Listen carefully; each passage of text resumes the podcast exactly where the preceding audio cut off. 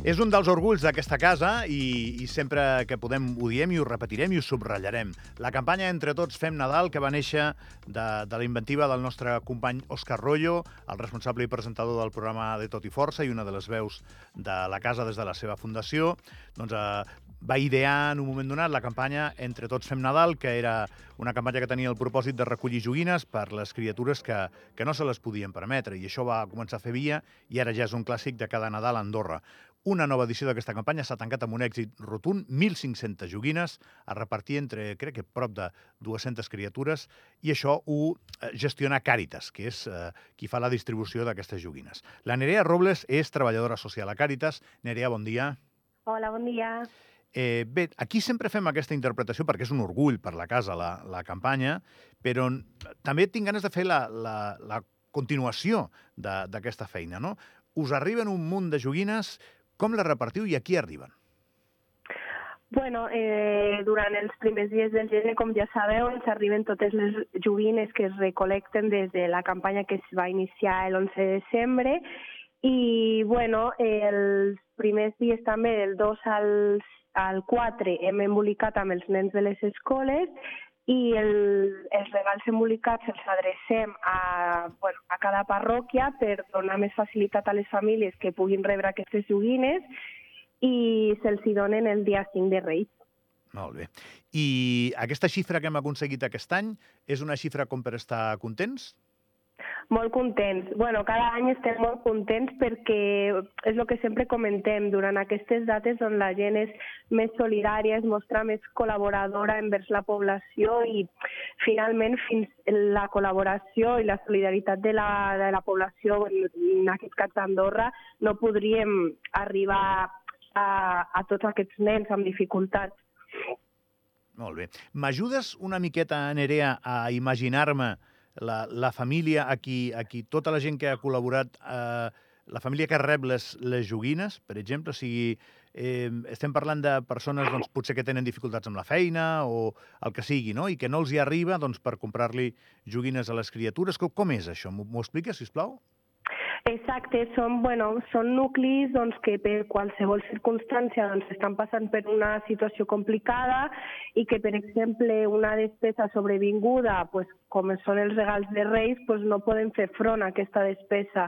Llavors s'intenta arribar doncs, a aquests nuclis perquè els infants puguin gaudir també d'aquesta festivitat, perquè a vegades explicar-li a un nen doncs, pues, que mira, no et podrem garantir uns regals per Reis pues, tampoc ho saben entendre. Llavors pues, volem arribar perquè també puguin gaudir d'aquest dia i sigui un dia feliç per ells. Molt bé. Eh, i, I ho expliques molt bé, eh? la gent s'involucra. Més, penso que s'ha convertit en un, en un clàssic de festes. Eh, eh, jo, per exemple, recordo la peluixada del bàsquet, que és algo preciós, però allà ja recullen com mil. Llavors, són 1.500 amb independència dels mil peluixos, no? O, o com va això? Bueno, tot. Està comptabilitzat, està comptabilitzat els tot. tot. Tot el que recollim està comptabilitzat en, aquestes 1.500 aproximadament joguines. Molt bé. Doncs hem de dir que, que sempre que, que el veig li dic que possiblement és impossible que faci res millor durant tota la vida que aquesta campanya el company Òscar Rollo, però que ho hem de mantenir eh, per sempre perquè és una necessitat. Potser eh, l'economia té alts i baixos, eh, Nerea. Mm. Això des que sí. tenim aquesta campanya sempre ha estat necessari, no? Eh, no sé si ara és més necessari que abans. Bueno, ara els nens han canviat una mica. Sí que és veritat, per exemple, que les edats més grans, 10 o 11 anys, pues, no eren com de la nostra generació, que jugaven més amb joguines i tal. Llavors, per exemple, com des de l'any passat, doncs es va també optar per donar experiències com partits de bàsquet, cinema, eh, Naturlàndia, el futbol, perquè puguin gaudir d'un altre tipus de regal. Molt bé. Gràcies, Nerea, per haver-nos atès i felicitats a totes les persones que han col·laborat. Bon dia. A vosaltres, bon dia.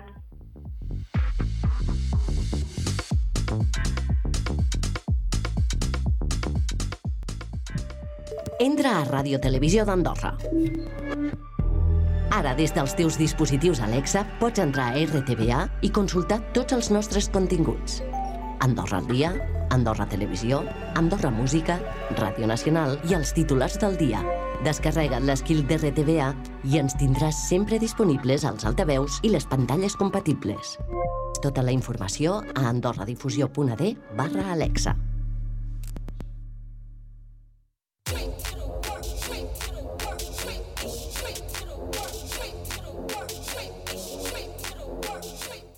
Estem a punt de saludar a la directora de teatre, Esther Nadal. Esther, bon dia. Hola, bon dia. Amb aquesta veu i aquest entusiasme que té, que no només no se, no, no se t'apaga amb els anys, sinó que millora, Esther. Com el bon vi. Molt bé. La, la Esther eh, dirigeix l'obra de Max, Max Frisch Andorra a la Sala Petita del Teatre Nacional de Catalunya. Eh, I és un espectacle que té entre els seus actors a Míriam Alemany, Roger Casamajor o Carlos Martínez, o també joves valors de, de l'escena andorrana. Jo, jo crec que per tu és una satisfacció, no, Esther, dirigir aquesta obra? Bueno, només fa 20 anys que ho estava intentant. I, i, i explica'm per què aquest trajecte tan llarg.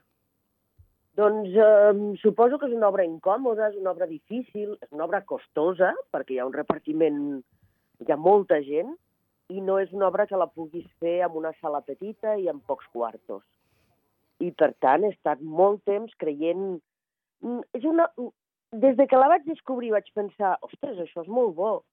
I no, no ha passat d'actualitat. Sempre que l'he tornat a llegir he pensat, uau, torna a ser d'actualitat. Malauradament, perquè és una obra molt dura. És una obra dura i la gent que no sàpiga de què va l'assumpte pensarà ah, i això que és una obra sobre el Principat d'Andorra?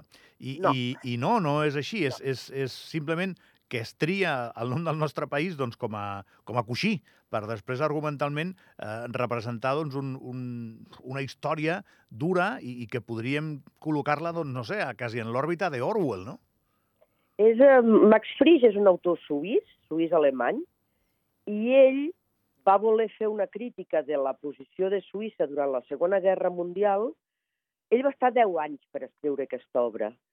I quan primer li deia el jove andorrà, li na- li anava dient diversos noms.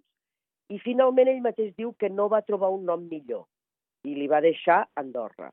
I a la primera frase ja ho especifica, diu um, l'Andorra, el petit estat que du aquest nom no té res a veure amb l'Andorra d'aquesta obra, Andorra és una maqueta experimental. I amb aquesta frase, maqueta experimental ja defineix tota l'obra. Defineix qualsevol lloc petit on els seus habitants es creuen millors que els de fora i això els hi dona dret a, a, a ser cruels, a ser... a triar un boc expiatori per donar-lo a aquells que el volen matar i treure's la culpa de sobre. I parla d'aquest nacionalisme entès com, pues, com un holocaust. Aquest muntatge, que és, eh, com, com bé dius tu, jo, jo crec que t'havia entrevistat fa un munt d'anys, Esther, parlant-me que tenies aquesta il·lusió i mira, al final l'has pogut tirar endavant i amb aquest repartiment que no, que no és evident. Eh? Aquest muntatge l'haurem de portar aquí, no? O què? Espero que sí. Espero i m'agradaria molt poder-lo portar a Andorra. El problema que tenim és que ara mateix no tenim un teatre amb les dimensions com la sala petita del Teatre Nacional i haurem de veure a on el podem portar. Això el centre de congressos no t'hi cap? Difícil, perquè no té prou alçada. Carai. És que mm, la sala petita del Teatre Nacional doncs estem anant a 15 metres d'alçada per una boca de 15-20 metres.